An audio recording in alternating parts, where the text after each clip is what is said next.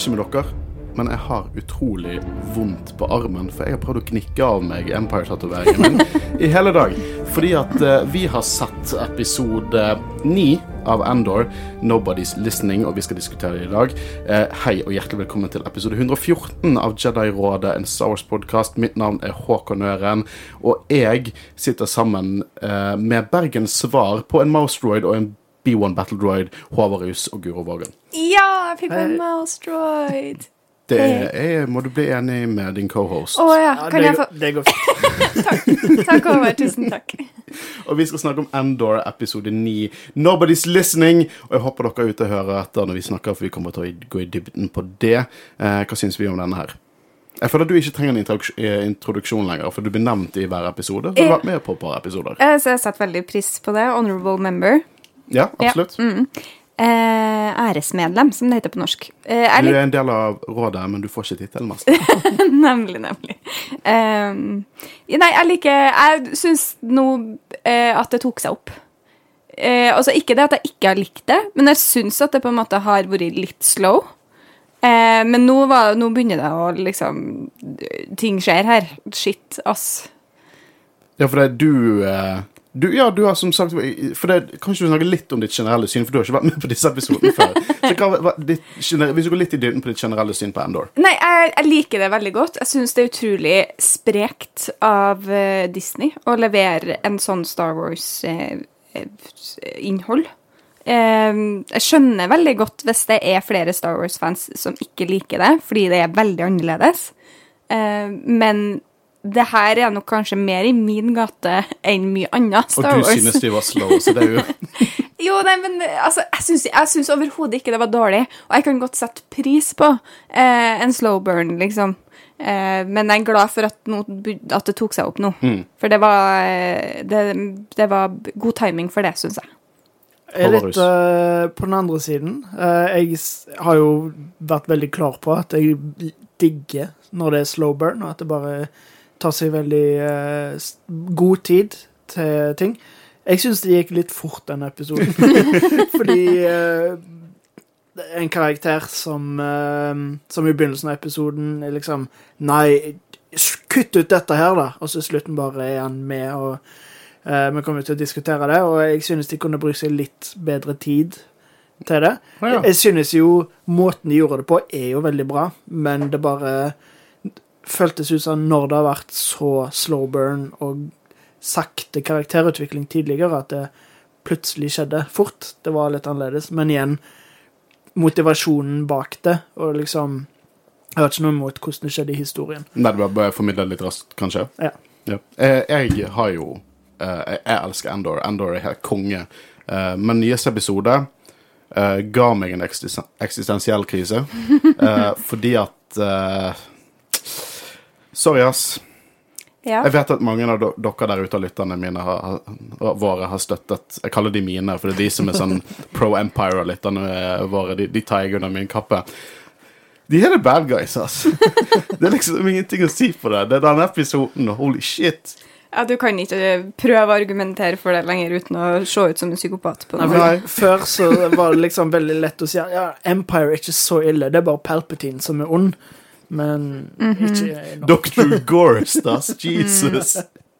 Men jeg, jeg synes at dette her eh, Vi har ikke fått en stinker ennå. Jeg, jeg digger oppbyggingen. Jeg Ja. liker den tre episoder-strukturen, og hvordan de ga oss en liten sånn uh, pallet cleanser i midten der med announcement-episoden og sånn ny Jeg vet hva, jeg er, ikke så, jeg er ikke så stor fan av sånn Prison Break-plott i, i popkultur og sånn. Jeg er ikke stor fan av det. Dette her drar meg så jævlig inn. Jeg føler meg så ukomfortabel i alle de scenene at jeg får frysninger bare av å snakke om det. Jeg syns det er så det, det, det er så fryktelig, liksom. Det er helt jævlig.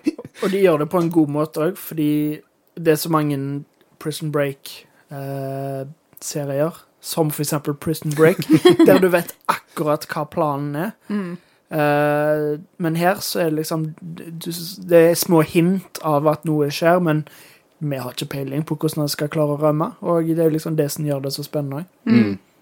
Eh, vi skal hoppe mer inn i det, og det blir mer og mer diskusjon. Men eh, Guro, du skal få gjøre noe stort nå. som, eh, som hedersmedlem. Så gøy. Kan du spørre Håvard hvordan det går med sosiale medier? Håvard, hvordan går det med sosiale medier? Det går fint, tror jeg. Eh, dere eh, You know the drill. Eh, bare gå inn på Instagram og følg oss der. Eh, Facebook, Twitter. Ikke så mye Twitter nå, og spesielt eh, nå er jeg ikke så stor fan av han Elon Musk og alt Nei, det der. Så, Det, det er Emperor Musk. så eh, fokuser på eh, Instagram og Facebook. Og hvis du hører på oss, Elon, så er vi kjempefan. Kan jeg få en Tesla? Eh, men uh, ja, gjør som Håvard sier. Uh, følg oss der. Og vet du hva? Gi oss en rating. Fem av fem på, på Spotify. Vi falt ned på 4,9. Vi har lyst til å se det runde, fine tallet. Så hvis dere syns vi fortjener det, gi oss det eh, oss der. Eh, eh, nok fjas for oss, for vi skal fjase mer om Endor episode 9, Nobody's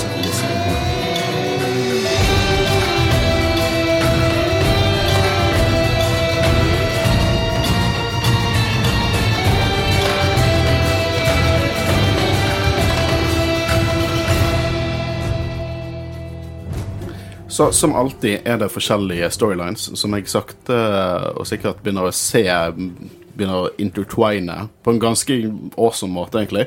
Men vi fordeler episoden ut ifra disse storylinesene, så jeg tenker vi begynner med godeste Deidra, eh, som har eh, det hun kaller et intervju med Bix. Ja. Den dama, altså. Eh, det er mulig det er bare meg, men jeg tror hun Det vekker noen sånne her dominatrix-fantasier i meg som jeg ikke visste at, eh, at jeg hadde. Uh, Å ja. ja, det, det er Altså, hun er jo helt forferdelig, uh, men så er hun ganske kul, òg. Hun er fascinerende. Altså. Og hvordan de har formidlet henne som en skurk, er fascinerende.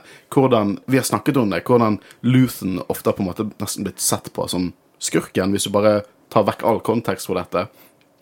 Men hun, hun har, vi har fått, de har fått oss til å bry oss om hun og hennes ambisjoner og hennes jobb hver dag og alt. Og så bare er hun i denne scenen, og det er bare huh, Fascistas. Og skuespilleren spiller så bra òg, fordi når de liksom zoomer inn på fjeset, så kan du liksom se rykninger i, i ansiktet, og liksom små hint og smil og liksom alt det der. Det er, Ja, nei, det er kjempebra. Og leveringa av eh, replikken The very worst thing you can do right now is bore me. Det er så jævla Empire-ting å si. Og hun er dritfett. Hun har fort Ja. blitt en av mine favorittkarakterer i uh, denne serien. Uh, og plottmessig så elsker hva hun snakker om det der med å dra i nettet, og de fleste ser uh, at de har fanget fisk. Men hun prøver litt hardere, så hun kan på en måte se hva ligger forbi fisken. Hvis det gir mening. Og det er når hun sier til Bix uh, Are you a fish or are you a thief? Hun, det, hele denne scenen er bare helt amazing. Og hun vet jo rett og slett bare alt. Hun har fått all info fra Salman Pak, som eh, vi så ble arrestert forrige episode, og fordi de har jo en Vi går- vi skal gå innom det senere, men de har en veldig bra, effektiv intervjumetode, da. Um, og det han forteller, da, er at Nei, det hun forteller, er jo bare det at hun vet basically alt. Skulle trodd at hun hadde sittet og sett på Endor hver onsdag. For hun vet alt. Hun vet alt på seg for hvem er Axis, altså Luthen. Eh, og det er interessant at Park Alta møtte en kvinne på et separatistmøte, så ga han denne radioen. Jeg vet at du hadde noen tanker på det, Guro. Ja, eh, han ga jo eh, Hun ga jo han i oppdrag eh, å gi beskjed om alle på en måte Empire-deler som, eh, eh, kom, som han visste om, på en måte, som var mulig å kjøpe. Eh, og det her er jo noe som eh, Luthen, er det det han heter, eh, også var interessert Altså, vi vet jo at han drev med det, på en måte. Så her eh, er det jo interessant hvem er den her dama. Jeg har én tanke, og det er at det er Clea. Jeg tror det er Clea, assistenten til Luthen, som er denne kvinnen de, de snakker om. Ja. Eh, på Chandrilla de, Nei, eh, diskuterte vel det forrige uke. De var ikke separatister, sant? Chandrilla? Eh, nei, det tror jeg ikke. Nei, nei, nei, de var ikke det. Nei. Nei. Fordi eh, Jeg er sånn 95 sikker at de ikke var separatister. Men det virker jo nå under Empire at det er sånn, folk er åpent separatist. Det er bare en politisk vei å gå, at du kanskje er uenig med liksom, styret til The Empire på en politisk måte, og ikke en aggressivt politisk måte. Så det er på en måte Jeg, jeg tror vi må se bort ifra separatist, sånn som vi ser på um, CIS, liksom separatistene i, i prequel-trilogien, versus separatistene i form av sånn politisk bevegelse. Uh, så det virker jo som på en måte Det er jo folk som er helt fullt og helt på Ja, vi har separatistmøter, vi er jo eh, Mon Mothma har senatmøte som kommer senere her, der hun på en måte prøver å forhindre at keiseren får mer makt. Så det virker som det er en veldig løs fasade om at det er lov å ha f- politiske forskjeller. Eh, selv om pappa Palpatine sin mening er den eneste som eh, betyr noe. Men jeg, jeg tror det er Clea. Jeg, jeg, jeg har ikke noen andre teorier på det. Jeg, jeg vet, hadde dere noen andre tanker enn det? Men var det her møtet på Chandrilla? Nei, jeg tror ikke det. Nei, fordi det eneste jeg tenkte, var at det kunne jo være vel, siden de har eh, et samarbeid. eh, De snakket jo om et separatistmøte tidligere, det er det du eh, refererer til? At Mon Mothma hadde vært på noen separatistmøter. Nei, jeg tenkte òg hvis Chandrilla var separatister, at da kunne det være vel, siden Mm. vi lærte mer om bakgrunnen hennes i denne episoden. Mm. Men eh, jeg tenker jo at mest sannsynlig er det jo Cleia. Ja, jeg, jeg tenkte Cleia, men det kan, også, det kan jo også være vel. Um, selv om jeg føler vel er fortsatt litt ny i dette gamet, så kan jeg, jeg, jeg tror mer det er Cleia. Eller noen vi bare ikke vet hvem er. Um, det uh, Dedra vil ha Hun vil ha navnet til Axis, og hun vil ha en detaljert liste over alt som er blitt solgt gjennom Ferrix av keiserlig utstyr. Uh, jeg syns det var litt morsomt at de nevnte John Dora, planeten John Dora, her. Fordi at John Dora er en Legends-planet uh, som aldri har dukket opp i noe. Dukket opp i The Old Republic, i et notat der. Så i Legends blir John Dora nevnt én gang. Det er bokstavelig talt én setning om det på Wikipedia, som sier John Dora var en planet. Så nå yeah. matcher Legends og Cannon perfekt når det gjelder John Dora. Jeg syns det var en absurd tynn referanse. Eller ikke tynn, bare Det var bare sånn Det er så lite ute der av John Dora at det, det nesten får meg til å tro at noen fant på et navn, og så tilfeldigvis var det også et navn i Star Wars før. Det er faktisk det eneste som gir mening for meg. Jeg syns det er kult at de bare tar sånne småting òg og gjør det canon på den måten. Ja. og så er det sånn, ok, vi trenger, vi trenger at hun sier navnet på en eller annen planet. Hva er en eller annen planet som har blitt nevnt i Legends, som vi egentlig ikke vet noen ting om? Jo, John Dora. Ok, men da tar vi den. ja, det, det er helt sikkert noe sånt. Ja. Eller jeg, ser for meg når de lager planeter, at de sitter sånn og Jill John, John Dora Jeg liker, jeg liker hvordan Jo, det høres altså. John Doe. John Doe? Mhm. oi, oi. Det kan godt hende at det er faktisk referansen til det. Um, men vi får møte en ny karakter her. Uh, eller han dukket strengt tatt opp i forrige episode, men nå får vi vite hva han heter. Og det er Dr. Gore, så han er veldig happy to be there. Han er veldig hypet på et nytt intervjuprosjekt han har, og han er, han er veldig optimistisk. Så optimistisk at jeg blir jævlig creepet ut av det. Ja. Jeg liker at du gang på gang kaller det intervju og ikke tortur. Ja, de kaller jo det sjøl intervju. Intervju. Ja, det er ikke noe tvil at vi skal ha torturruta her, i hvert fall. Og Dr. Ghost er jo sykt eh, hypa over det. Eh, og veldig eh, gira på å fortelle om denne metoden som de skal bruke. Før du går videre med å bare si at her så så eh, Tony Gilroy sier Clone Wars. Og så så han på alle krigsforbrytelser der, og så sa han 'hold my beer'. Ja. ja, for det her overgår alt vi har sett i Star Wars før, liksom. Altså, teknisk sett så er det vel kanskje verre å bare tilintetgjøre en hel planet.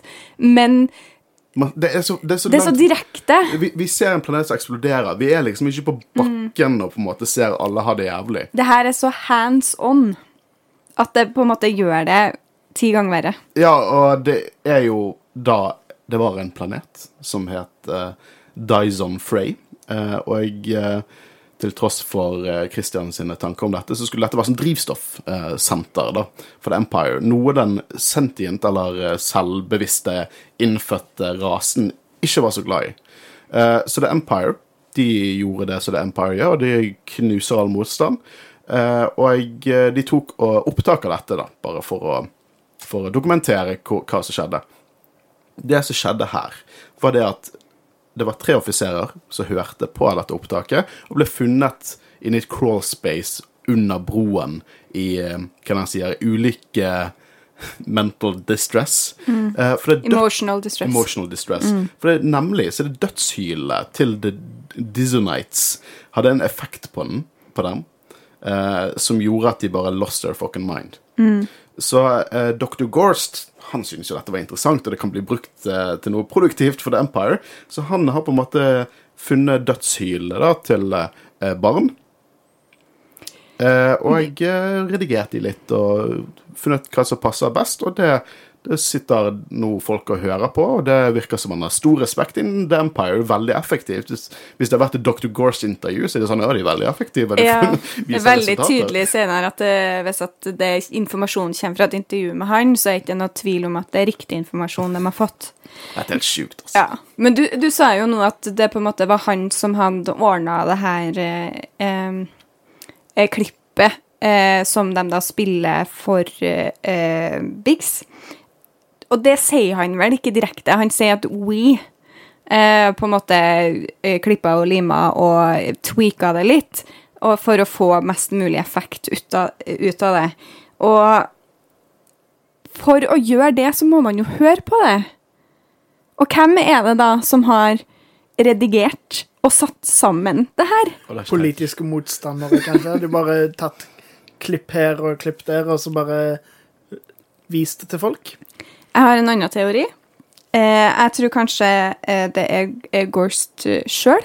Eh, jeg tenker kanskje at eh, for å bli påvirka av det her, så må du ha empati. Han har ikke empati. Og han har ikke empati fordi han er psykopat. Å, det er så sykt min headcanon nå. Mhm. Holy shit. Det er Åh. Eller kanskje han er psykopat fordi han har hørt på det om og om og om igjen, og bare har blitt ødelagt. Ja, desensitized. Ja.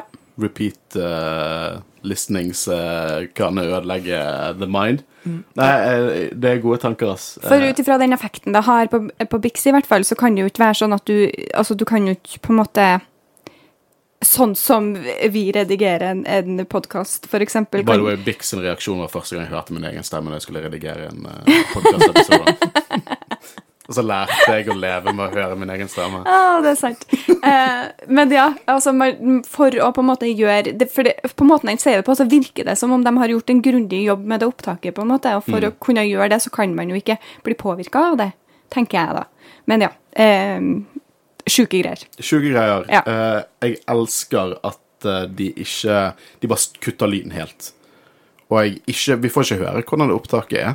Vi bare sitter og forestiller oss bare det jævligste. Eh, og så la oss snakke litt om bare sånn Det er jo en jævlig intelligent sånn evolusjonssteg da, for den rasen. Hvis, hvis du blir drept og hylulager når du blir drept, fucker til hodet til de som dreper deg, så er det en fin måte å hindre andre fra å bli drept på, da. Ja. Så jeg syns det var litt eh, interessant. Eh, men jeg likte veldig godt den psykopatteorien din. Det er absolutt min headcanon. Um, Dr. Gorstas. Yes. Han er i hvert fall effektiv. Det skal han ha. Eh, og det er jo ikke så overraskende at Bix blir helt fucka opp av dette. Eh, og jeg kan ikke blame henne. Eh, jeg hadde blitt helt fucka opp av det der. Liksom, Jeg hadde gitt opp all informasjon jeg hadde før jeg fikk det headsetet på hodet mitt. Altså, Dedra hadde vært nok for meg, på en måte. Problemet var vel litt òg, som uh, Bix sa, at uh, sa til Dedra at uh, uansett hva jeg sier, så kommer hun ikke til å tro på meg. Så de måtte jo gjennom den allikevel. Mm. Da vet de Da visste de at det var sant. Ja. Eh, så det hadde nok skjedd uansett om vi hadde begynt å snakke før. Ja, ut ifra det de sier, så virker det som det er samme metode som er brukt på, på Pax også. Ja. Ja. Og det er liksom, vi, vi har sett tortur i Star Wars før. Men det er alltid bare sånn Dr. Ball med en sprøyte på seg, og så kutter de uh, kutter de uh, scenen. Hvis dere har sett Robot Chicken, så vil dere skjønne Dr. Ball-referansen min. Uh, og, og liksom sånn Oi, det er noe shiny som er foran Harrison Ford sitt fjes, og så hører du skriking. Her var det vasa. Han som går rundt og snakker og styrer på med dette headsetet. Og smiler. Og bare, å, å, det, uh, liksom, The Restraints er ikke for oss, det er mer for deg. Sånn at liksom Altså, Dette vil ikke ta lang tid, eller vel, inni hodet ditt vil det føles som veldig lang tid, men det går fint. Ja. Bare rist litt på hodet hvis du har lyst til å snakke.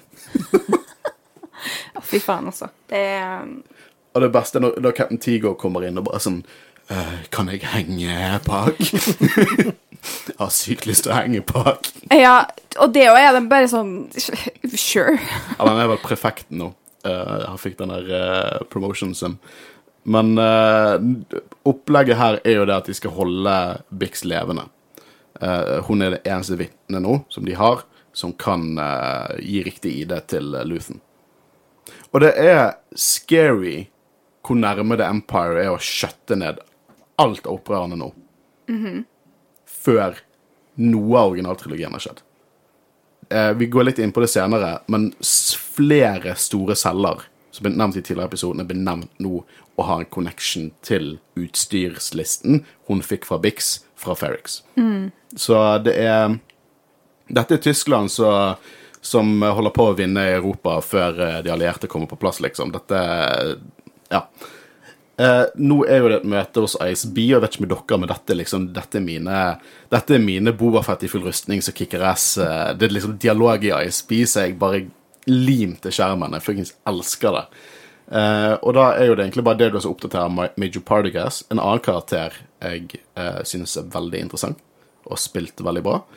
Eh, og Bix kommer jo med alle, har gitt informasjon om utstyret, eh, og eh, det er jo her hun snakker om at de har funnet liksom en targeting unit som matcher listen, er funnet til Maya Pay. Maya Pay er en ny karakter for denne serien, men hennes opprørercelle ble nevnt i forrige episode.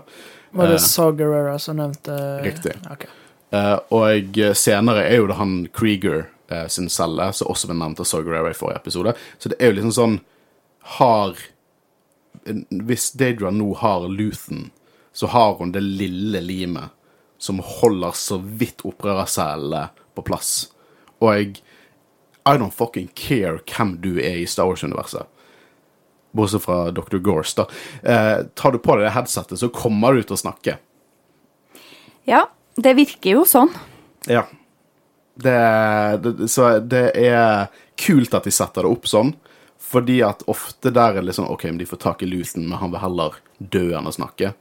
Så du tenker at det er type plot armor for informasjon. Men her tror jeg bare Dette her er så jævla idiotsikkert, dette systemet til Dr. Gorst, at uh, det er jo på en måte det, Jeg syns det er kult hvordan de bygger det opp. Og jeg føler de bygger opp sånne småting du legger merke til. Sånn som de nevner Maya Pay og Krieger i, i forrige episode, og så, og så på en måte tar de det opp igjen nå fordi det er noe som kobler seg til det. Det gjør det at det er essensiell informasjon, selv om vi eh, aldri kommer til å se Maya Pay. Vi vet jo ikke. Eh, men hun begynner jo å koble, koble Andor til Aldani nå, noe som assistenten hennes uh, backer hun opp på. Uh, assistenten er veldig på i denne episoden. Og jeg, jeg syns Stars Explained diskuterte dette litt også, og jeg må si meg litt enig, for det at jeg syns interaksjonen var litt rar. For når hun begynner å koble Andor til Aldani, så er folk litt sånn skeptisk, og så løper han opp, og så hun, hun liksom nesten, ser nesten helt fryst ut.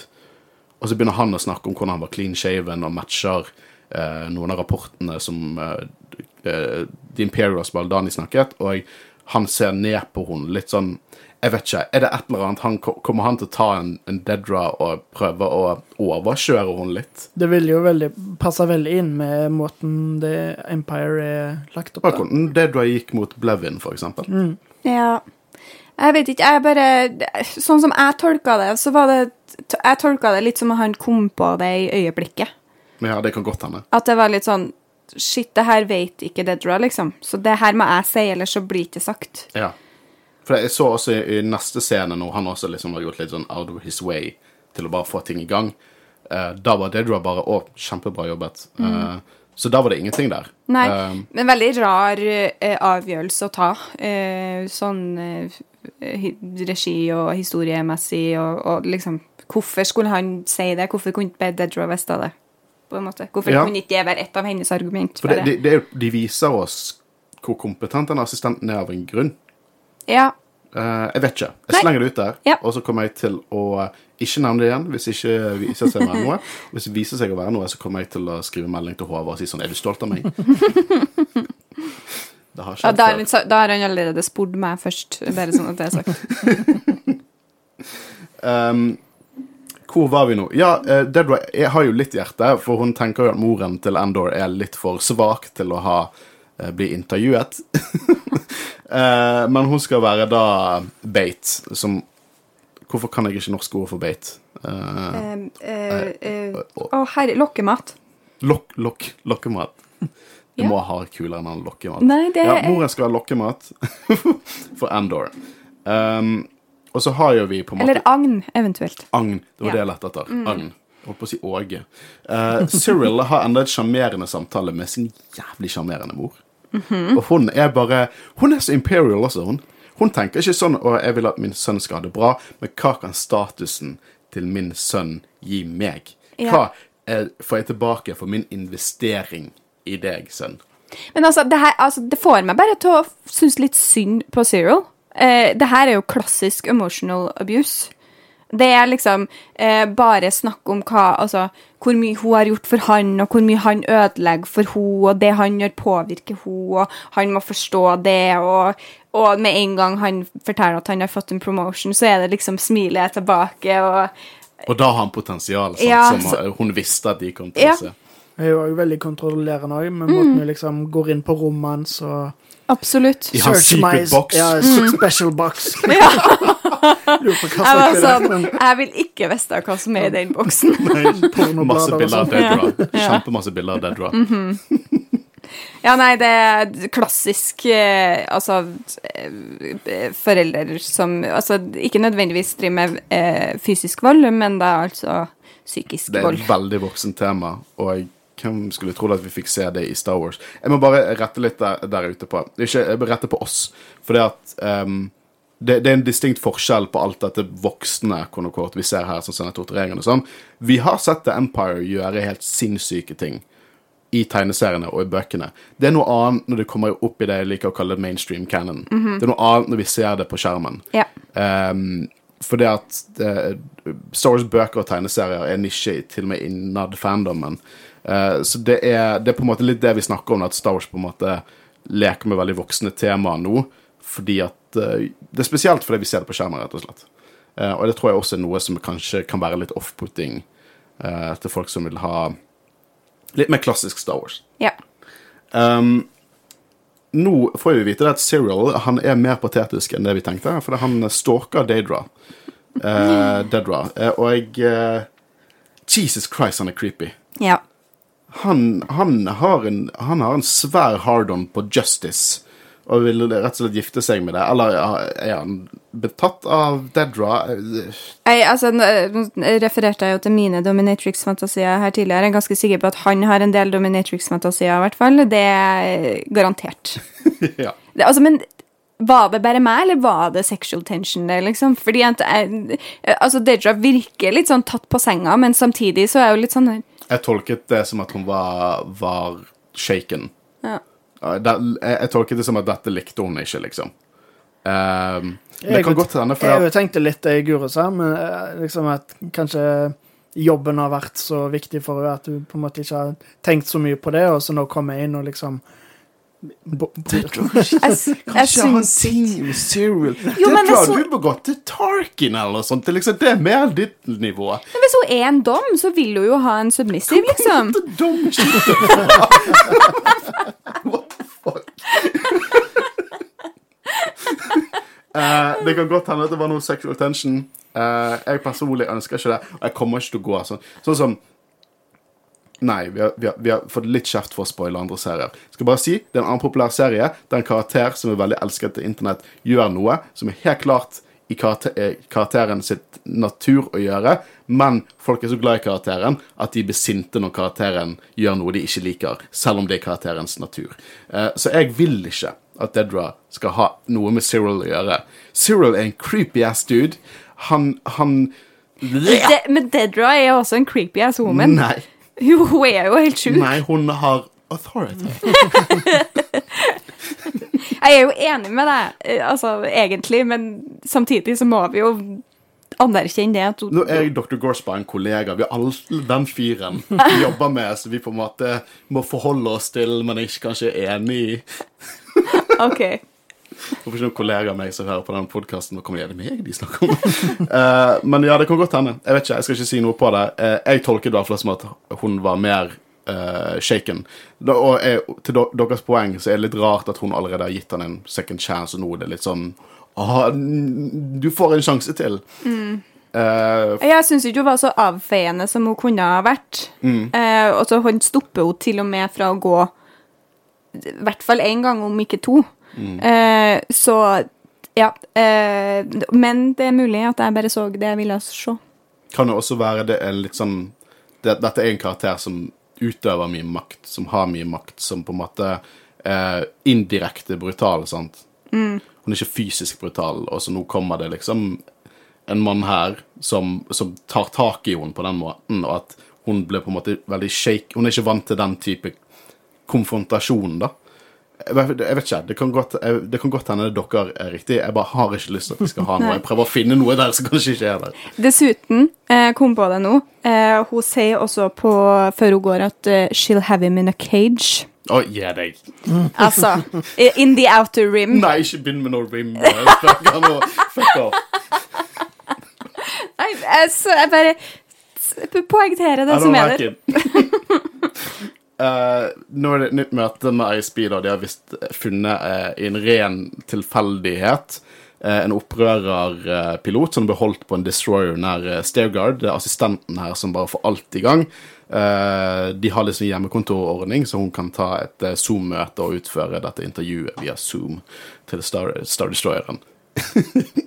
Å, covid har ødelagt meg totalt. Uh, og her får jeg også i kommentarene var, var dette et Dr. Gorst intervju? Ja, ja, det, vi, tror på dette her. Uh, og de har funnet en av pilotene til Anto Krieger, uh, en av disse karakterene, eller opprøreralliansene, uh, Sæle, som, uh, som Sogarera nevnte i forrige episode. Var det den samme cellen som skulle utføre et angrep som Luthen ville at Ja, eh, på så- Spellhouse. Ja. Så det viser seg nå, er jo det at de har full kontroll på alt som, kommer til, som blir planlagt i Spellhouse. For den piloten sang jo. Jeg håper Luthen ikke klarer å overbevise seg om eh, å bli med, da. Eller kanskje nå må de bli med fordi at de mangler en pilot. Ja, det kan godt hende. Jeg, jeg, bare, jeg føler denne scenen er utrolig opptatt av å vise oss, oss et ufullstendig eh, puslespill med små biter, og så komme med de bitene og plassere de på plass etter hvert. Jeg syns det er utrolig kul storytelling, eh, som virkelig eh, skinner hvis du ser serien. Vi, vi blir tvunget til å se serien litt flere ganger. Denne episoden har jeg sett tre ganger. Um, og jeg ser i hvert fall hver episode minst to ganger før innspilling. Så det på en måte Man legger liksom merke til sånne små ting, da, små setups, og så får du på en måte en eh, resolution av det setupet. da. Men det er jo det her det er interessant, at hvor mye som avhenger av Luthen og Ferrix. For de fant jo denne piloten også på grunn av utstyr som stammet fra Ferrix. Så Dedra er jo en av de mest kompetente imperialsene i hele The Empire nå på grunn av den netten hun knekker på Ferrix, som Luthen og Andor. Uh, og jeg syns det connecter veldig fint med Andor også, hvordan de bare De er så jævlig ute etter han, og de vet ikke at de allerede har han. Jeg syns det er kjempegøy. Ja, og jeg syns også det er veldig gøy hvordan de på en måte eh, putter han Altså gir han mer cred enn han egentlig fortjener. Han ble jo på en måte nesten bare tilfeldig med på det her, og de tror at han er den masterminden som står bak hele greia, liksom. ja, det er jævlig vittig. Ja, eh, så det, han snubla jo litt inn i motstandskampen imot sin vilje, godeste Cassian. Men eh, det er jo Vi vet jo hvor det ender, så det spiller jo ikke noen rolle, det, hvordan det starta. Eller denne serien viser jo at det spiller veldig rolle hvor det startet. For sånn Vi har jo snakket om det, og jeg vet at du ikke er enig med denne kritikken som ofte kommer, men den, folk var ikke hypet på Endor, for vi vet jo hva som skjer med han. Uh, og jeg, har sett også folk som delte den tankegangen. Vi vet hva som skjer med han, hvorfor skal vi se hvor det startet, som er super inn i Endor nå. Og det viser jo bare det at vi vet jo, vi vet jo så mye Liksom hele prequel-trilogien vet vi hvor avsluttes i originaltrilogien. Prequel, selv om ikke karakteren er svær, eh, kan gi utrolig kul dybde til universet og god storytelling. Eh, hvis du er skuffet av Rise of Skywalker, så bør du bare tenke at disse Star Wars-seriene, live action-seriene nå, om så du ikke har likt noe av det fram til Andor som du liker nå, sånn er det liksom. Eh, da, da har du funnet noe godt som du liker. Jeg, jeg syns som sagt at jeg, jeg finner glede i all, eh, all, eh, all Star Wars, egentlig, men alle live action-seriene har på en måte gitt meg eh, stor glede til ulik grad. Men, eh, men eh, bare Star Wars på, Nå er det så mye Når de leker med sjanger, at Star Wars er ikke en sjanger, så kan man finne ting innad i universet som man liker, og så kan du kanskje eh, Dette var ikke for meg, neste eh, prosjektet, så se fram til prosjektet etterpå. Uh, det er mye godt, uh, godt i det. Jeg vil også nevne at Her snakker de om at denne piloten var på vei til Kafreen, og Dead bare Som gjør hva hvis vi uh, dreper piloten, og så gjør skipet i ustand, og så får det til å se ut som en ulykke, og bare super casual på alt dette her. Og det herre syns jeg er liksom Bare understreker hvor utrolig kynisk eh, de er, og hvor lite de bryr seg om eh, Om folket, om liksom. folket generelt. Og det er Eh, ingenting, de. Og, ja, og, og det er litt sånn eh, Ja, greit nok, den her torturen, det kan jo være på en måte det er jo Dr. Gorst som, som utfører det, og så sitter han nå der og tar imot informasjon, men de er jo ikke direkte De gir jo ikke nødvendigvis direkte ordre om hvordan den torturen skal utføres, men her så sitter jo Dedra og bare kommer på det her i øyeblikket, foreslår det, får øyeblikkelig godkjenning, og så er det bare sånn Ja, gå og gjør det. Ja, og jeg, jeg, jeg tror det er Jeg tror det er mye shady i vår verdenshistorie som vi ikke vet om, sånn med USA og Sovjetunionen Ja, spesielt. så liksom. både CIA og KGB har gjort mye fæle greier. Ja, ja, ja. Det er ikke, jeg ble ikke overraska over at jeg hørte at ISB kunne finne på noe sånt. for å si det sånn. Jeg liker også når Partagas var sånn OK, hva er det og det? Og så sitter de og ser strengt på han sånn Let's go. liker Partagas veldig godt. Jeg tenker vi kan hoppe over til Cassian sitt helvetes uh, hverdag. Ikke lett å være turist. Jeg har også litt lyst til å endre Short Trooper-navn til Tourist Troopers. Bare fordi at de arresterte han. Men vi går til Narkina 5. Um, first off, uh, jeg tok feil. Jeg vet ikke om jeg sa dette høyt på sending, men jeg tok feil av hvem som tok livet sitt i forrige episode, for han uh, er i uh, relativt god behold i denne episoden og snakker tegnspråk til de andre broene. Det kan hende at jeg bare tenkte den tanken, men jeg vil ikke at noen skal ta meg på ikke kunne min canon. Please, ikke, det, jeg sier ofte feil. Det går helt fint. Men det vi ser her, da, er jo det at Endor har vært gjennom Aldani. Eh, vi har drevet og spekulert mye om på en måte hva lærdommer han fikk ut av sine medsoldater der. Men det jeg ser her, er jo det at Endor, som vi kjenner han, blir på en måte formet ut av dette fengselet. Mm. Her ser vi han ta en lederrolle. Han ser på en måte Olaf eh, er sliten, og han på en måte tar en rotasjon. Han gir Taga creds for denne rotasjonen. Veldig observant, og hele, han er veldig inne i oppsettet her, og hele tiden tenkende hvordan kan jeg komme meg ut, hvem kan jeg samarbeide med. Eh, jeg føler det går litt inn på det at måten The Empire styrer dette fengselet på, aktivt trener fienden. Fotsoldatene i fienden blir, eh, blir trent i dette fengselet av oppsettet til The Empire. Og spesielt òg med det at de har uh, utvida fengselsstraffene, og uh, det tyder jo på at selv om de skal slippe ut, så kommer de aldri ut. Eh, og det jo vil jo Hvis noen først kommer seg ut, så vil jo det på en måte Å bli behandla sånn, det må jo eh, gjøre de mer ekstreme og, og sånn, da. Det gir dem jo mer å kjempe for. Eller mer å kjempe imot, kanskje, rett og slett. De, de, er, de, de er der inne og blir bare koker sinne mot Empire. De lærer seg disiplin og samarbeid og ja. Det er jo bare Det kommer til å skyte de i ræven så hardt. Men jeg lurer litt på hva er det Cassian driver med på do? Ja. um, det så ut som meg at han hadde skjært på den en stund. Ja, absolutt. At han har gått fram og tilbake og skjært noen tid.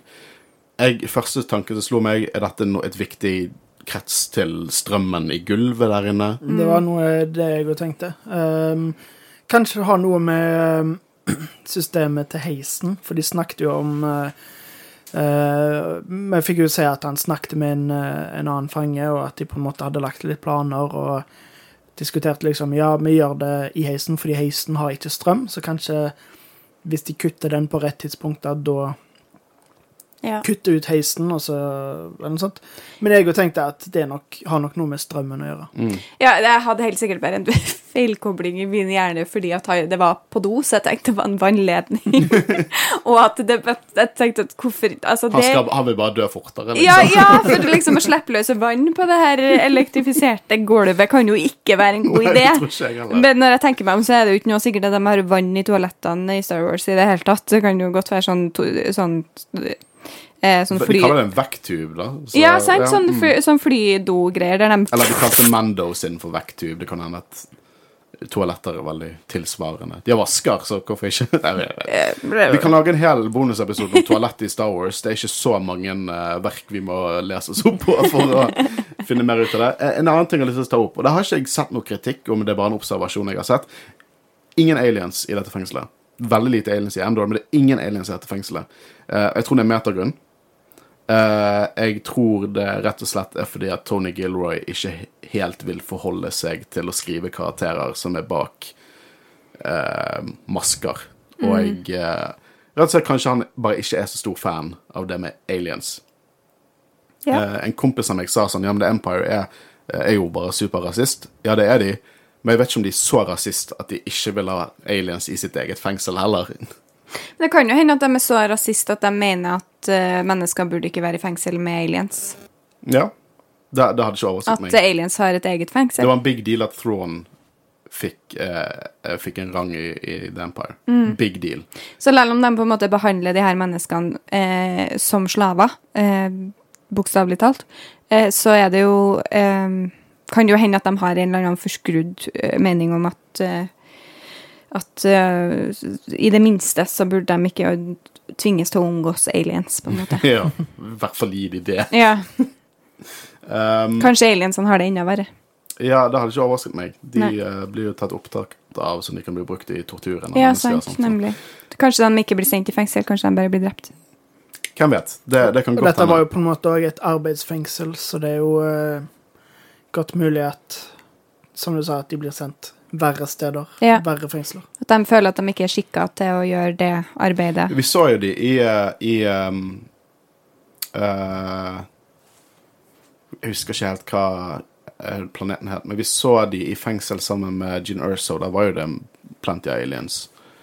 Uh, så jeg vet ikke. Sånn, dette her er en sånn ting der det er garantert en metagrunn, men vi må sitte opp, vi sitter på en måte og prøver å lage en canon-grunn for det. Ja, jeg syns det er litt synd. Eh, jeg hadde likt å sett en alien i en sånn her serie. Eh, I en seriøs setting der, man, der de ikke Altså, det fins jo masse aliens som ikke er comic relief, men ganske ofte så er de comic relief. Jeg syns det er litt synd, for jeg syns det er veldig interessant eh, med alle de her andre rasene, på en måte. Det jeg synes er litt sånn synd, er jo det at vi har veldig sjelden fått en alien i hovedrolle. Sånn, jeg skulle gjerne likt å sett uh, sequel-trilogien at en av de i den trioen var en hovedperson. Altså ikke Chewbacca, uh, men bare var en alien, liksom. Om, om Finn Poe eller Ray sjøl var en alien.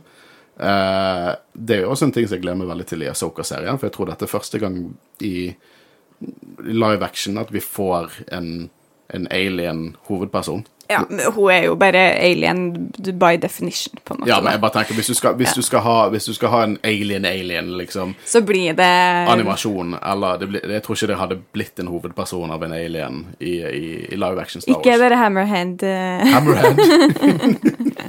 Men eh, det at Asoka på en måte Det som gjør hun alien, er jo at hun har sånne lekkhus og har litt rar farge i fjeset. Så som en sånn metagrunn, da, så som skuespiller så gjemmer du deg ikke bak så mye. Men allikevel så har Mandalorian òg vist det, at det går helt fint. Fordi vi ser jo uh, ikke hodet, eller ansiktet uh, til Pablo uh, Ja. Pes Pescal, sant? Pedro Pascal. Pedro Pascal, ja. Ja. Eh, vi ser jo ikke ansiktet hans noe særlig i den Nei. serien, så det går an å være leading man eller woman og ikke vise fjeset. Ja, men det er også det Men det, jeg tenker litt sånn De må virkelig ha nailet uh, det praktiske, eller CGI-en. For det at hvis vi Sånn som jeg husker Han der uh, Zac Braff sin cameo i Kenobi. Det fungerte fint med så lite han var med, men hvis vi driver og ser på den der eh, Sånn Queel, liksom. Queel kunne ikke vært hovedpersonen i, i, bare med måten masken fungerer, liksom. Ja, det krever litt, ja. Det gjør det. Ja, for det er en ting å emote bak en hjelm, for du vet at det er et ansikt under deg, og du ser på bevegelsene, men så har du på en måte masse på deg. Jeg Ja. men jeg tror ikke det er bare praktiske grunner til det heller. Jeg tror nok også det handler litt om, om at de tenker på publikum, og at publikum skal relatere seg til hovedpersonen. Og at uh, det funker mye bedre hvis du har uh, en human, eller i hvert fall humanoid, uh, som ja, er relativt lik deg og fungerer relativt likt som deg også. Men jeg er sånn eh, Liksom Asoka eller bare Hera i live action, det, bare, det hadde gjort meg kjempehappy. Det som har gjort meg enda mer happy igjen, er om vi fikk noen Alien Mandalorian, sånn som i Legends. Det hadde jeg digget veldig. veldig. Nå som det er en Creed. Men hvor var vi? Vi var i Endor, uh, der det ikke var aliens. Uh, vi får litt sånn scener innimellom der vi ser Olaf bare ikke ha det så bra. Den gamle mannen Jeg der. syns så synd på han. Ja. Han spilte så bra også. Og Han spilte såpass bra at jeg fikk bare skikkelig vondt av han. det er 40 dager til han skal ut, som betyr at når det her ble dobla, så hadde han sånn 20-30 dager igjen. Og så ble det bare sånn åh, Jeg er nesten der, og så ble det dobla, liksom. Og, og jeg liker å se Kino bare Han er ikke helt helt kald. Han bryr seg om mennene under seg. Hvordan han gikk bort til Olaf og sånn. Og du, du er førstemann ut nå. Bare 40, 41 dager igjen, eller noe sånt. Eh, og det er kaos i gangene liksom mellom skiftene, da. Eh, og det, dette klippet viste de på, på, på YouTube på tirsdag, og jeg syns det var veldig spesielt. For hvorfor viste de dette klippet? Um, jeg fortsatt lurer litt på hvorfor de viste dette klippet. Hele dette uklippede se sekvensen i denne gangen. Eh, det er noe som skjer på nivå to, og de, jo, de broene driver og kommuniserer gjennom tegnespråk mellom broene.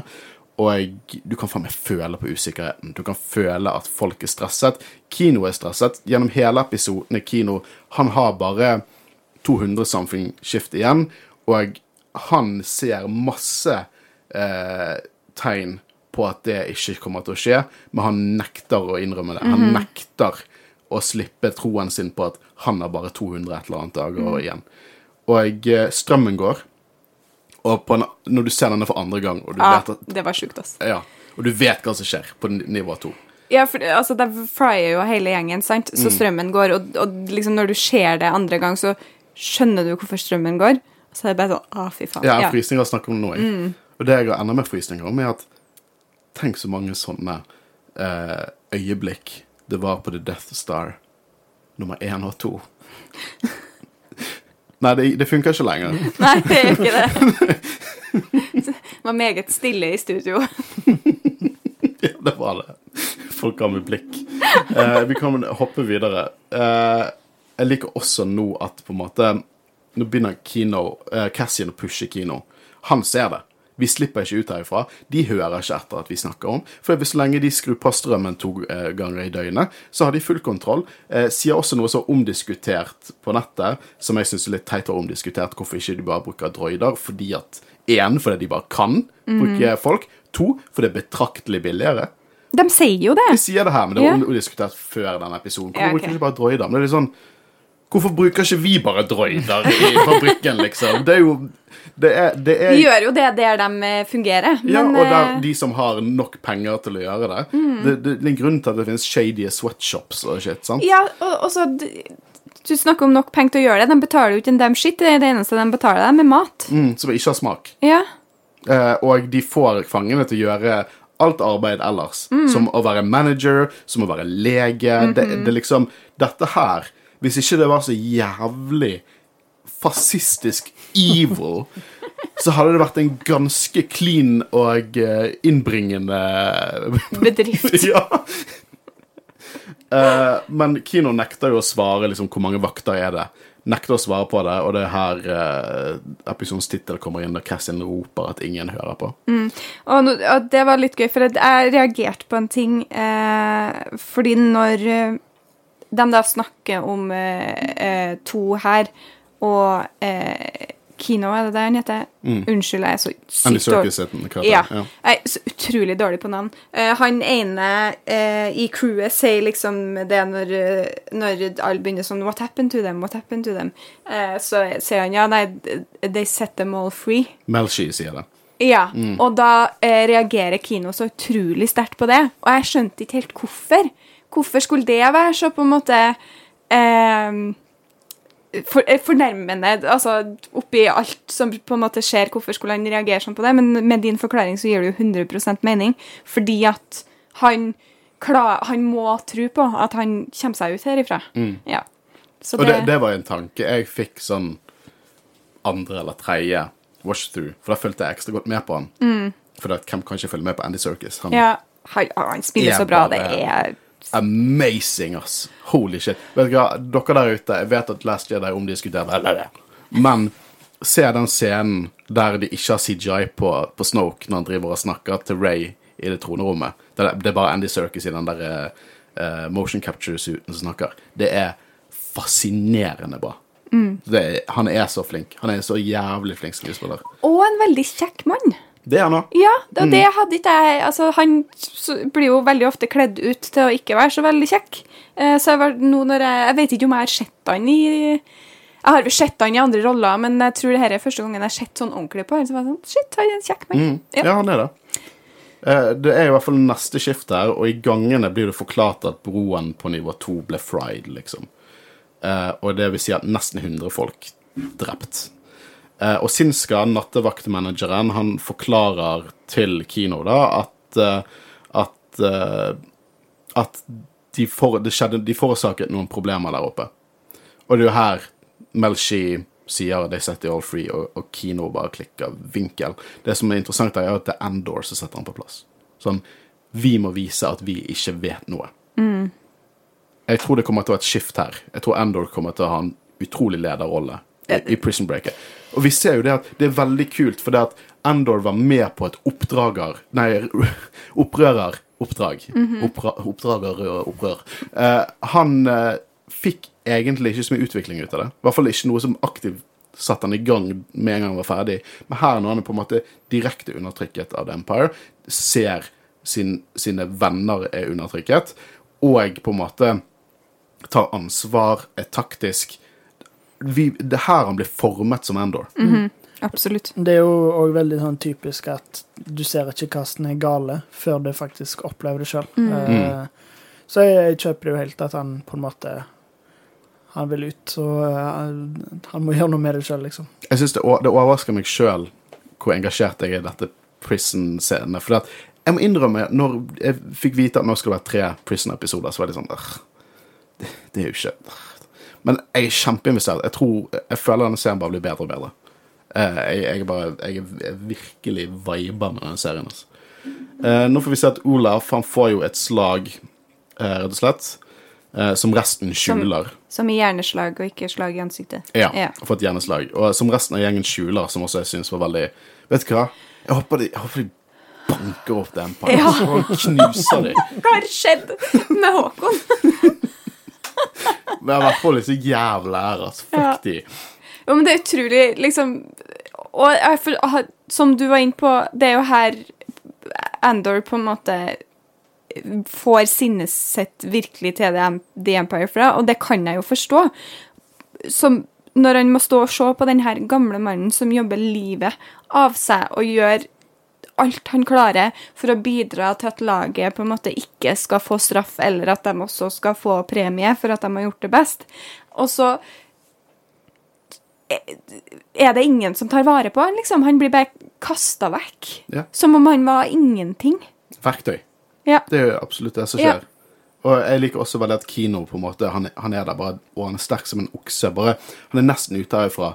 Bare få han opp på beina, og så sier legen, som også er en fange, det er ingenting. Han har hatt et svært eh, slag. Han vil ikke vite navnet hans, fordi han har helt klart vært igjennom mye shit som lege. Og de, eh, de tar og, og dreper henne. Veldig humant måte dreper han. Og jeg elsker når Endor driver og spør legen hva skjedde på nivå 2. Legen snur seg til Kino og bare får dine menn i orden, og så sier Kino hva skjedde på nivå 2. Ja. Uh, og jeg syns det var utrolig kult at han legen også helt tydelig var fange. Eh, det syns jeg var en utrolig kul touch. Eh, og han had, har jo en annen rang, han hadde annen farge på drakten sin, men det var helt tydelig samme drakt. Det, det begynner jo shotet med å du bare ser hans fetter på en måte går inn i det. Han er også barføtt, ja. Ja. Eh, og eh, det som har skjedd her, er jo det at noen fra nivå 4 har blitt eh, sluppet ut, blitt ferdig med sin dom, og blitt satt rett inn på nivå 2. Dette innebærer at Empire dobbeltdipper i fangene sine. De er rett og slett ingen som kommer ut herifra. Hvis du går ut fra et nivå, så går du rett inn på et annet nivå. Uh, og dette Vi har mer å dekke her, for vi har ikke dekket Mathma, men at episode opp gjennom episoden så ender pushet, pushet. Hvor mange vakter er det der? Du vil slippe ut herifra. Vi kommer ikke ut herifra.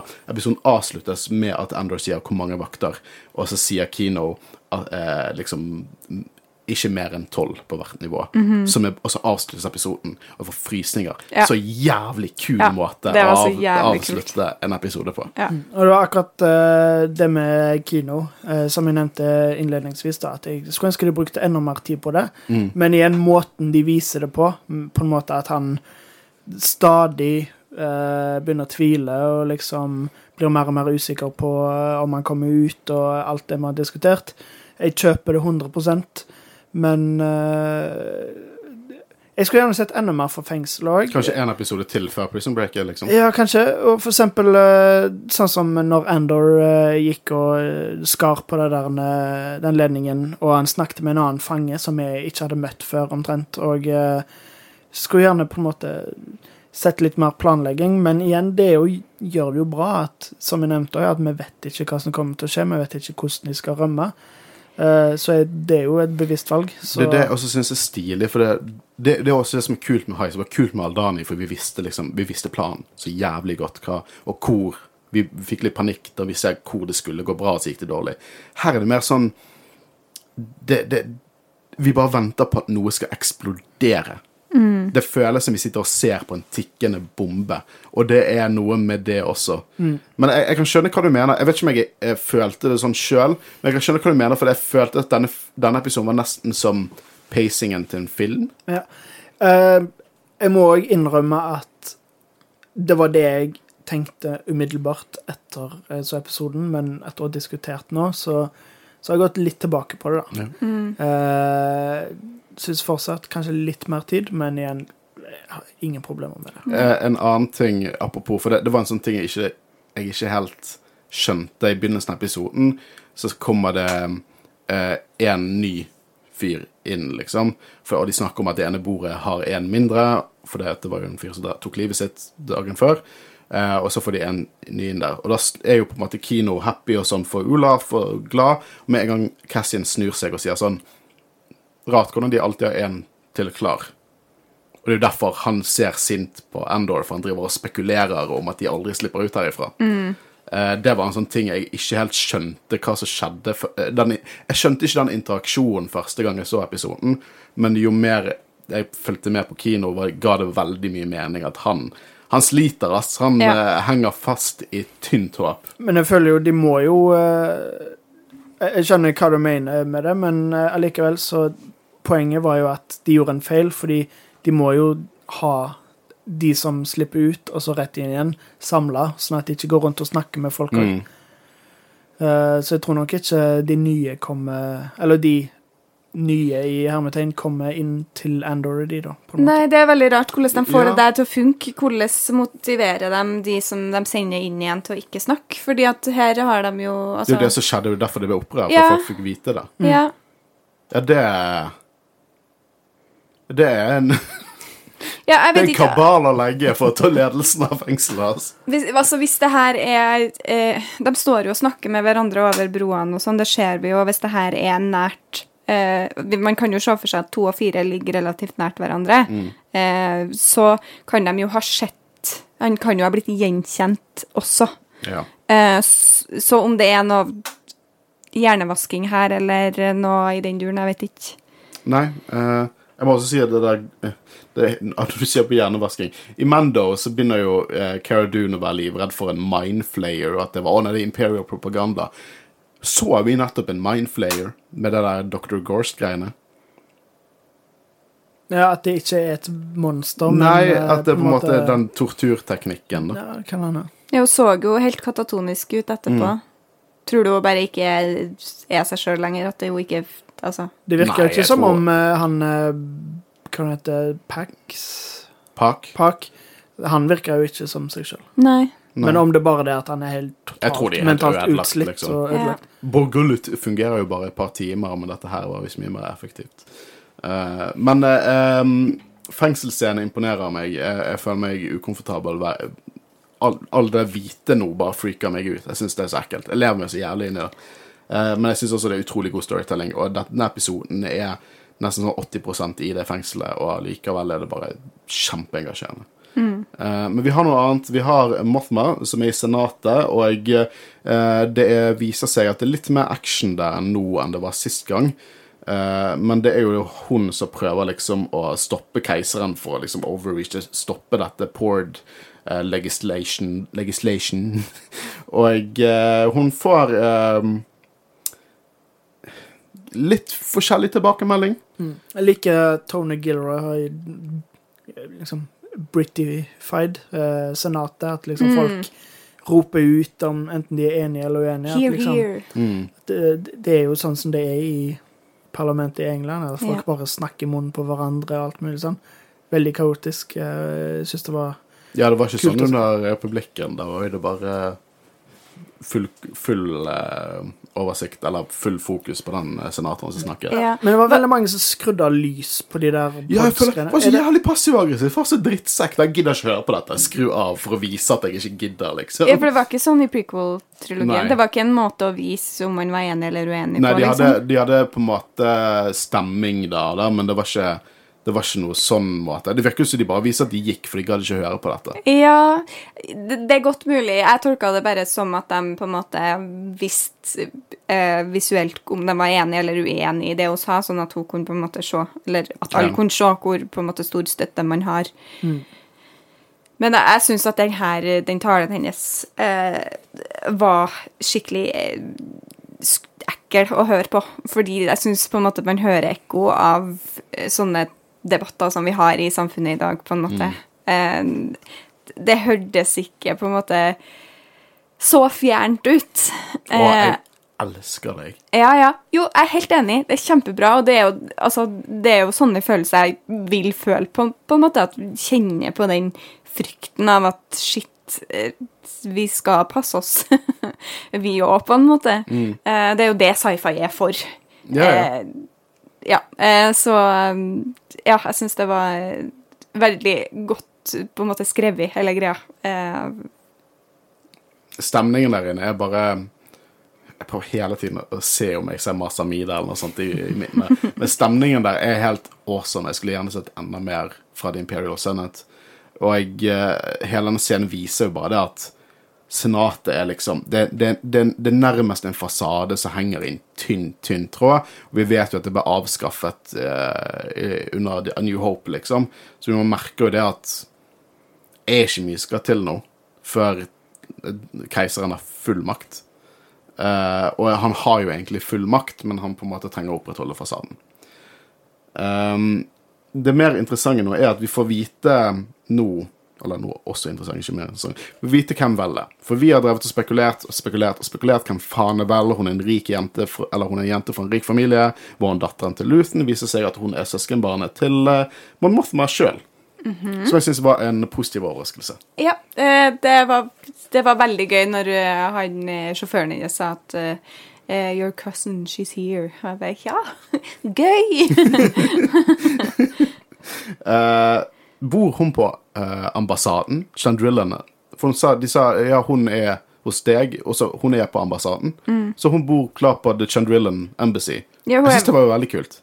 Det er vel ikke så uvanlig i vår verden heller. Nei, nei, men de Det er derfor liksom det. Jeg, synes det var, det var, jeg bare syns det var, det var Litt sånn som Guro sier med at politikken på en måte gjenspeiler vår politikk. da, så jeg, jeg liker sånne ting. Jeg elsker Vet du hva, de som sier 'å, ikke gjør Star Wars politisk' Når de sier det, så mener de ikke noe som er politisk, for ofte snakker de om sånn representasjon og sånn, og verden er forskjellig, så hvorfor skal ikke den verden også være forskjellig? Det er forskjellige folk her. Men Star Wars-politikk og alt enda mer representasjon også, men Star Wars-politikk, fucking love it. I love it. Eh, eh, jeg var så, har vært så uenig med de som hatet prequel-trilogien, for tro det eller ei, det er ikke så mange år siden det var intenst hat på prequel-trilogien. Eh, noe av de vanlige kritikkene er sånn Vi vil ikke høre om handelsblokader og sånn. Gi meg handelsblokader! Elsker handelsblokader. Syns det er dritfett. Det er noe jeg òg også har likt mer og mer jo eldre jeg er blitt. Jeg syns det var fryktelig kjedelig når jeg var liten, men når jeg på en måte er blitt voksen da, og mer reflektert på, og eh, smart og Så eh, Og liksom bare kunne se liksom hvordan det speiler den virkelige verden og alt mulig sånn. Jeg digger politikk i sted, altså. Ja. det er er får meg til å tro på universet. Um, så, så at denne serien går så mye inn på akkurat det der, uh, syns jeg er helt konge. Uh, vi ser jo det at uh, Liten scene. Lida er på en måte helt klart uh, datteren til Mon Mothma. er helt klart uh, mer glad i faren fordi hun får lov til å gjøre hva faen hun vil. Uh, så jeg er fortsatt bekymret for hva som kan skje med Lida hvis man, når man, Mathma går liksom public som opprører, som hun kommer til å gjøre. Uh, jeg er ikke bekymret for hva som skjer med Perrin. Uh, fuck den chatten deres. Ok, Det må jeg bare spørre. Uh, I Rogue One er jo på en måte public opprører, da? Eller hvordan er det? Jeg har Eh, hele ja, tiden tenkt ja da, hun er opprøreralliansen da. Ok, Så da er hun ikke med i Senatet eller noe sånt? Da er hun på en måte Jeg har hele tida tenkt at hun har holdt det hemmelig hele For det, tida. vi, ser, vi, vi ser Jeg tror du har vært gjennom episoden. I Rogue One Nei, i Rebel så får vi se når hun offentlig går imot Palpatine. Eh, og hun gjør det etter den tragedien på Gorman som hun, vi har hatt hint om etter hvert. Det er En stor hendelse i Legends, og det er en stor hendelse i Canon. Så de bygger opp mot det. Uh, så um, Jeg vet ikke om du husker den episoden i Rebels når det plutselig vi fikk se liksom det første av, av en litt halvveis samlet allianse. Det kom liksom flere Corellian Cruisers og A-Wings og hele pakken. Og mange av de klassiske originaltrilogi-sidekarakterene dukket opp. Det er på en måte da hun på en måte public går ut mot Empire. Så denne serien bygger opp mot det. Og jeg, det hadde ikke vært overrasket meg hvis vi fikk se en adaptasjon av liksom litt det vi så i Rebels. Så når spiller Når er Rebels i Rebels utspiller seg nå parallelt med dette. Eh, så da er det snart det skjer, da? Ja da. Eh, sikkert i sesong to, vil jeg tro. Ja, eh, apropos, hva var det du kalte han, mannen hennes? Perrin. Ja, eh, syns at Vel har liksom tidenes burn to an oblivious mann eh, i denne her eh, scenen når de eh, spiser frokost, eller hva det er de gjør. Eh, der hun på en måte forteller om dekkhistorien sin, da, hva hun har drevet med. Eh, og han spør 'Find yourself a husband', og så svarer hun 'Wasn't on my list to do'. Eh, og han får ikke med seg stikket i det hele tatt. Eh, og så sier han 'You'll need a widower, widower at your age. Who's left of any value at your age?'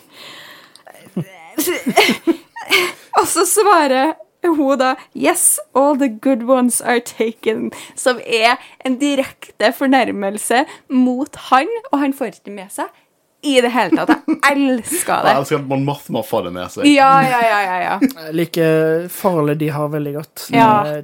Det, og det er for hun Mon Mothma Herregud.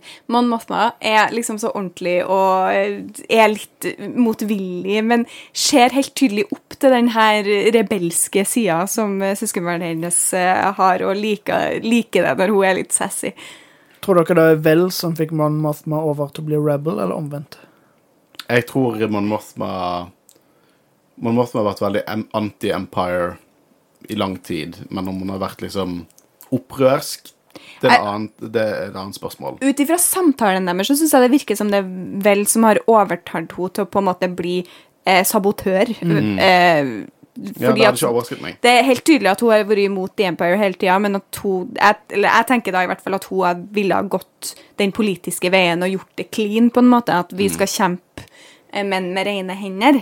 Eh, og så har vel fått overtalt til at det funker ikke lenger. Så det, så det er en deleted scene i eh, Revenge of the Sith, eh, der, der O'Reilly, som spiller Mon Mothma her, spilte Mon Mothma. Eh, den ble slettet, og hun fikk bare en revamp i, eh, i karrieren sin i Star Wars, nå etter Rogue One, og i Rebels som voice acted, og nå i Endor som helt konge. Jeg er så glad på hennes vegne. Men denne eh, deleted scene inkluderte jo hun, uh, Bale Organa og Padme pluss et par andre senatorer, og det på en måte ble, scenen ble liksom sagt bekalt liksom det første frøet av opprør. Uh, fordi at de var bekymret for Palpatine og makten Palpatine hadde. Uh, så jeg tror absolutt at hun har hatt veldig anti-Empire-tanker i lang tid, men jeg tror absolutt at det kan godt være at Vel faktisk har fått henne til å gjøre noe med det. Hun snakker om det at we, we made a vow. Eh, jeg syns også det er interessant med Valve, fordi at hun så å si paraphraser det Sinta sa at hun i forrige episode, We take what's left. Eh, jeg føler også det at eh, hun prøver veldig hardt å være noe hun kanskje ikke helt er. Um, med all interaksjon her syns jeg er awesome. Ja, Bare med Perrin som bare ikke skjønner en dritt, og alt dette her, og hvordan uh, Mon Mothma sier please, prøv å, prøv å være en, en liksom en uh, rik, liten jente uh, bare, Eller rik jente, hun er ikke liten. Uh, en stund, sånn at ingen på en måte skjønner noe. Og bare forholdet deres veldig naturlig. Ja. Jeg må bare si at jeg setter så utrolig pris på at de har valgt å sette kvinner så sentralt i, i motstandskampen i Star Wars. Ikke bare er det på en måte veldig flott og godt å se, men det er jo også veldig realistisk. Eh, med andre motstandskamper som har blitt kjempa i vår egen verden, så har jo kvinner vært veldig sentrale der. Så det Jeg, jeg er utrolig enig. Jeg syns det, det, det fungerer bra, og det, dette er sånn Kvinner i Star Wars eh, og opprør har alltid vært en del av det, liksom. Eh, Mon Mothma har jo vært Hun er den første liksom chancelleren av The New Republic. Hun er med så vidt i, i Return of the Jedi, og du vet allerede at hun er en viktig person. Uh, Leia Leia er jo et ikon. Carrie Fisher eh, sin, sin karakter som Leia, prinsesse Leia, som blir general, er jo et ikon.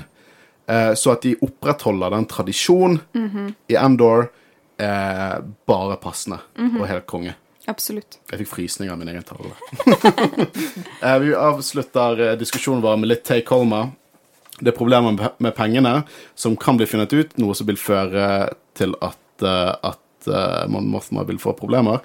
Så de trenger et lån fra noen fra en banker fra Stendrilla som driver med såpass mye handel at det nesten er mulig å undersøke hans books. Og det er en ny karakter, Davo Skulden, som er en uh, bossman. Det er en kriminell uh, big shot, og det er jo selvfølgelig ikke Mon Mothma veldig happy over, og i hvert fall ikke happy at de har lyst til å møte i hennes leilighet. Nei, he's not a banker, he's a Thug. The wealthiest thug, of them yeah. all. Eh, så hva dette ender opp med, vet jeg ikke. Om det er opprørerne som rett og slett må få litt skitne hender for å oppnå målet sitt. Er det ISB trap? Hvem vet? Hvem vet? Men jeg er veldig engasjert. Jeg, jeg liker alle storyliner. Jeg liker Ja. hvordan de sakte, men sikkert bare kommer nærmere og nærmere. nærmere. Eh, jeg eh, er virkelig viber med denne serien. Altså. Ja, absolutt. Jeg gleder meg til neste episode.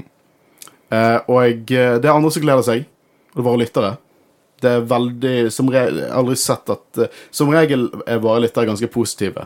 Eh, og, eh, men nå er det bare Det er nesten bare positive tanker. Det pleier å være litt mer variert på de andre seriene, men nå er det veldig positive tanker. Eh, så vi skal gå gjennom de vi har valgt ut. Vi kan ikke ta med absolutt alt som blir sendt inn, men vi setter pris på alt som blir sendt inn, og vi leser alt som blir sendt inn. Så eh, fortsett med det. Og jeg tenker at Håvard, du får en sånn ikonisk lang en som du er kjent for. Ja. Uh, hvor skal vi begynne? ISB er noen psykopater, og det er tydelig at Dedra kommer til å bruke alle mulige midler for å løse gåten av hvem og hvor Andor er. Dr. Gorst ser ut som en hyggelig nykonfirmert gutt, men er også en av disse ISB-psykopatene. Synes Håkon ennå at imperi imperiet ennå er the good guys? Uh, Det har vi kanskje fått bekrefta i denne jeg jeg syns episoden at de jeg er ikke gjør. veldig kule. Mm, De er kanskje ikke good guys. Interessant at Mon Mothma og Vel er søskenbarn, og hvordan deres forhold er. Mon Mothma er litt sjokkert over hva Vel har gjort, og hennes tankegang. Stoler opprørerne så lite på hverandre at de må holde kortene så tett?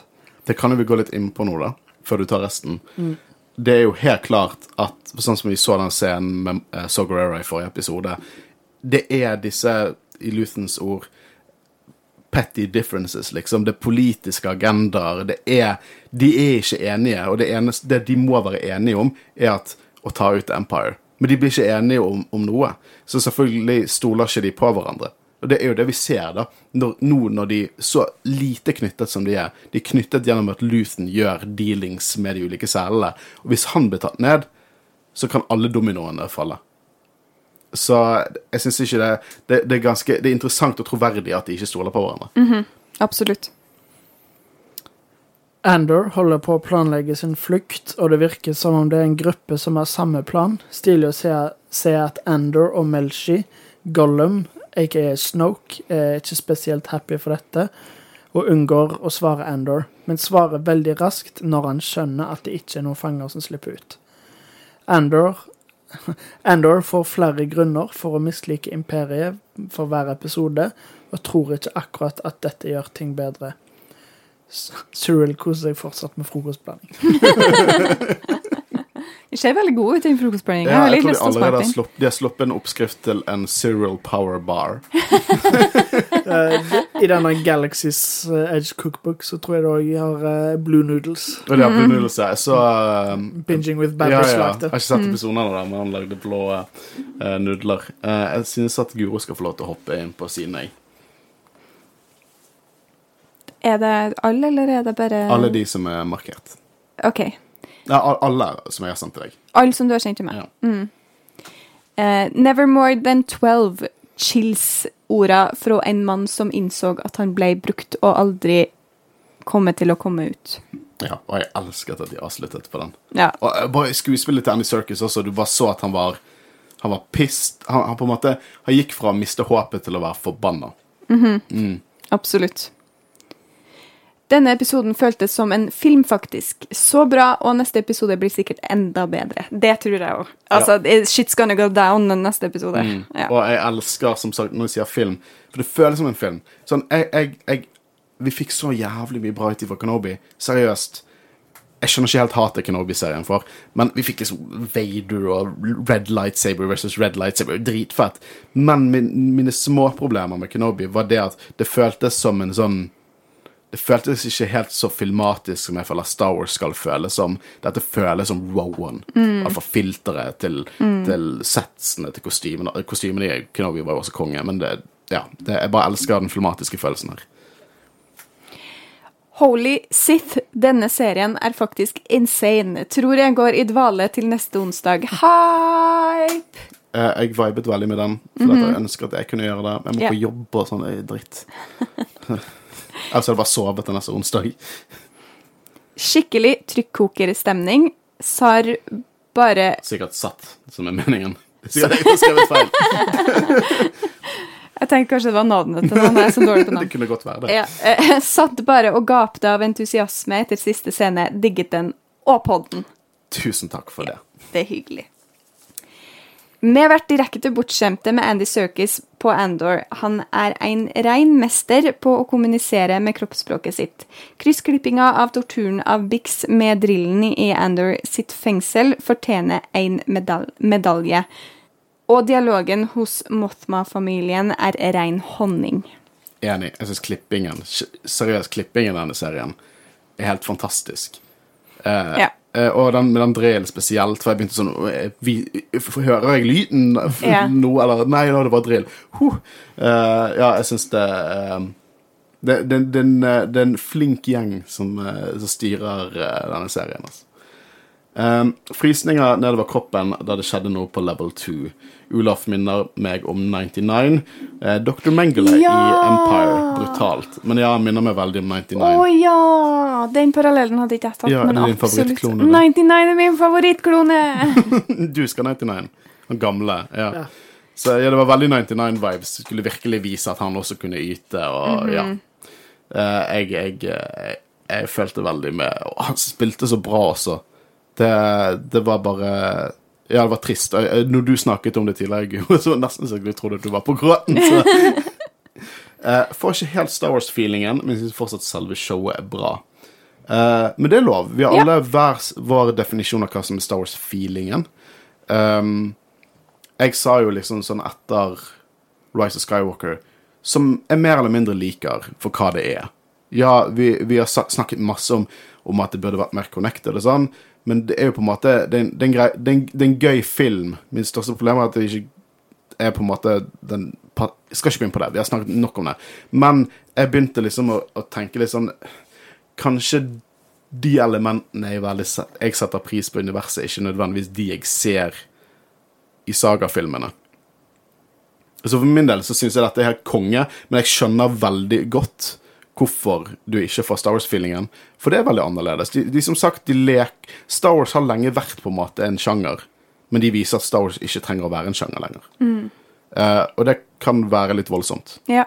Jeg får uh, Jeg er litt enig i at det altså Eller, ja, jeg altså Det er ikke det at jeg ikke syns det er Star Wars, eller at jeg ikke syns det burde være Star Wars, men jeg skjønner veldig godt hva folk mener når de sier at de ikke får Star Wars-feelingen. Jeg får litt sånn eh, Jeg har sagt det til deg tidligere. Eh, Hunger Games-vibes av, eh, av hele greia. Eh, særlig da med liksom Mod Mothma og, og rundt der, og da parallelt til Eliten versus folket, liksom. ja, altså The Capital i, eh, og, og inne i fengselet òg, på en måte. Så det, det er veldig clean, og det er veldig Altså kontrasten mellom Andor i fengsel nå og Andor ute i skogen for noen episoder siden, det er veldig Ja, jeg, bare syns at det er det, det minner meg veldig om det. Eh, Men en mer voksen og bedre Altså ikke det, jeg liker Hunger Games veldig godt, men eh, ja. eh, Det er enda kulere her, syns jeg.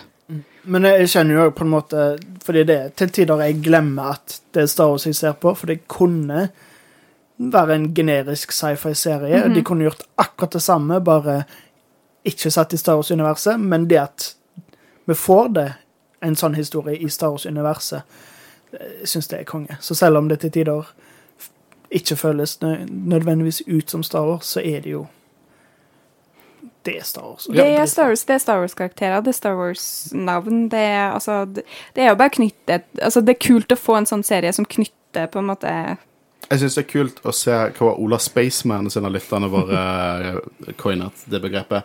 Jeg, får jeg syns det er utrolig kult å se hvordan eh, The Empire er fra synet til Ola Spaceman. Jeg synes at vi har sett Empire liksom på krigsfronten liksom mot opprørerne i klassisk Star Wars. Nå får vi se liksom hvor, hvor ekkelt Hvor ekkelt det er. Til og med om du bare er en vanlig person som bor på Coruscant, uh, og du har liksom Empire ISB-bygningen og Stormtroopers i gaten og sånn. Og jeg syns det er veldig kult å se det på den måten, for det er på en måte ikke noe vi har sett skikkelig. Vi har bare sett konflikter. Vi, vi, har, vi er ni episoder inn, og jeg kan si at vi har hatt to actionsekvenser. Kanskje tre, hvis du regner med liksom, drapet på de to corpoene i første episode. Og, og jeg, jeg savner det ikke. Det gjør jo bare det når vi får en ny actionsekvens neste episode, så kommer det bare til å være helt sinnssykt. Men uh, jeg synes det jeg- For min del syns jeg det er forfriskende, og jeg vil ha variasjon, så jeg håper denne serien gjør det bra på ratings uh, også. Eh, første tanke som slår meg Å, det er så sykt bra. Sorry, Mando. Endor, beste TVs uh, Star Wars. Um, jeg respekterer den, den, eh, eh, meningen veldig mye. Jeg respekterer den litt for mye, men for min del eh, Mando, var, Mando var bare Mando fenomen. Eh, Mando gjorde meg nyforelsket i, i Star Wars igjen. Hvis det fortsetter på denne kurven, så, så kan jeg bli enig. Jeg er ikke der helt ennå. Men Grogu? Ja, I know. Jeg tror jeg allerede er på den Jeg er enig der. At, Ja. eh, altså For all del, jeg elsker Mando, jeg syns det er dritbra, men dette her er bare noe helt annet. Mm. Uh, og det er så høy kvalitet at jeg Men Mando åpna definitivt døra for at denne serien kunne bli laga. Åpnet liksom det Release the River på live action Star Wars. jo, men, men den er, også Mando er også såpass grounded. Mm. Altså den, var, den er på en måte det mellomsteget. da At hvis, hvis Mando kan funke, så kan også Andor funke, på en Ja måte. Mm. Det alt begynte jo med små demoer. Sånn The Volume. Se, dette er måten for oss å lage en live action Star Wars-serie på, og så åpnet det opp videre for Book of Overfett, for Kenobi og uh, nå Andor. Og det virker som at de, eh, For min del så høres det ut som de har lagt utrolig mye inn i Andor. Uh, også, jeg, jeg, jeg senset det lenge før Andor kom ut også, at det, det var så utrolig lang produksjonstid på det, og det var tolv episoder. Og jeg, jeg tror kort, vi har hatt én kort episode som var på 40 minutter. Episode to eller noe sånt. De fleste episodene er De er så lange som de trenger å være. Men det jeg, jeg blir litt irritert når det er sånn med episoder i Kenobi og, og Mando som er sånn 20 minutter et eller annet. Det er litt sånn Come on. Og i hvert fall i Kenobi, der, var, der min største kritikk til Kenobi er hvorfor var ikke det en film. Det kunne like gjerne vært en film. Men, så jeg liker at det er lange episoder, og jeg liker at de tar seg sin tid med dialog og karakterutvikling og alt dette her. Og jeg, jeg, jeg, klarer ikke å, jeg klarer ikke å tenke på ett skuespill jeg syns er dårlig. Nei. Nei. Jeg, jeg synes dette på en måte Altså Hvis Mando eh, og eh, Kenobi og Book of Bobafett er på en måte Netflix-serier, så er dette HBO. Ja. Så det er, Ja. Mm. De har lagt så mye arbeid i det, og det er så høy kvalitet og eh, gjennomført og eh, alt sånt. Så det, Ja, ja, Jeg, jeg er veldig spent på uh, nye serier, hva vi får der. Fordi Mm. de viser jo at de nailer dette. Jeg er også jævlig spent på Mando sesong tre. Liksom. I'm not gonna fucking lie, ass. Det...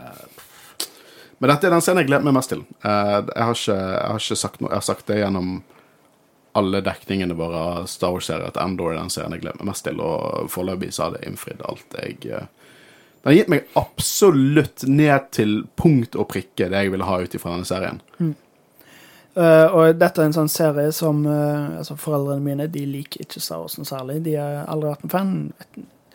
Tror jeg, jeg Jeg så episode tre på kino med pappa. Det er det eneste han har sett. Men jeg, jeg kunne anbefalt dette til dem, for de liker liksom spion- og thrillerserier. Mm. Mm. Dette kunne de likt, liksom. Ja. Du sa at min mor elsket Mandalorian. og Hun liker ikke Star Wars, hun elsker Mandalorian. Hun kalte det Mandalorian. eh, likte godt at de viste frem den mørke siden av tortur og fengselslivet, eh, i motsetning til den lyse siden av tortur og fengselslivet. Men jeg skjønner hva eh, vår lytter mener her. Eh, det er litt det som har gjort at eh, virkelig understreket hvor bad guy The Empire er, dessverre. Eh, ja. Vi må nesten endre intro-jinglen vår, for den er veldig inspirert av The Empire. Nå bare opprører. Nei, men det var det vi hadde for i dag. Eh, tusen takk til alle som sendte inn. Mange gode tanker her. Eh, og eh, hvis dere eh, var fan av Guro sin gjesteopptreden i denne episoden, så fear not. Hun kommer tilbake neste uke. Ja, og jeg gleder meg. Og Mhm. det, er ikke- jeg har allerede sagt det en gang, men sier det igjen. Shit's gonna go down neste episode. Og Edda badda Christian for at du ikke får være med på det. Ja, men Edda Bader Christian, han er, han er i Syden nå, han. Og Ja, koser så- seg. Jævla eh, drittsekk. ja, men. er med i regnet og kald, og så bare drar han og soler seg. Ja, det er ikke noe gøy. Uh, så vi skal, vi skal ikke feel bad for at du tar en Nei. spot et par episoder. Men eh, vi snakkes neste uke. Uh, torsdag neste uke. Da kommer vi ut med, med, med vår eh, dekking av Endor episode 10. Og som Guro sier, 'shit's gonna get down'. eh, som bare faen, tror jeg. Eh, men uansett, mitt navn er Håkon Øren. Jeg som tar sammen med Håvard? Og Guro Vågan. Og vi snakkes neste uke. Ha det bra.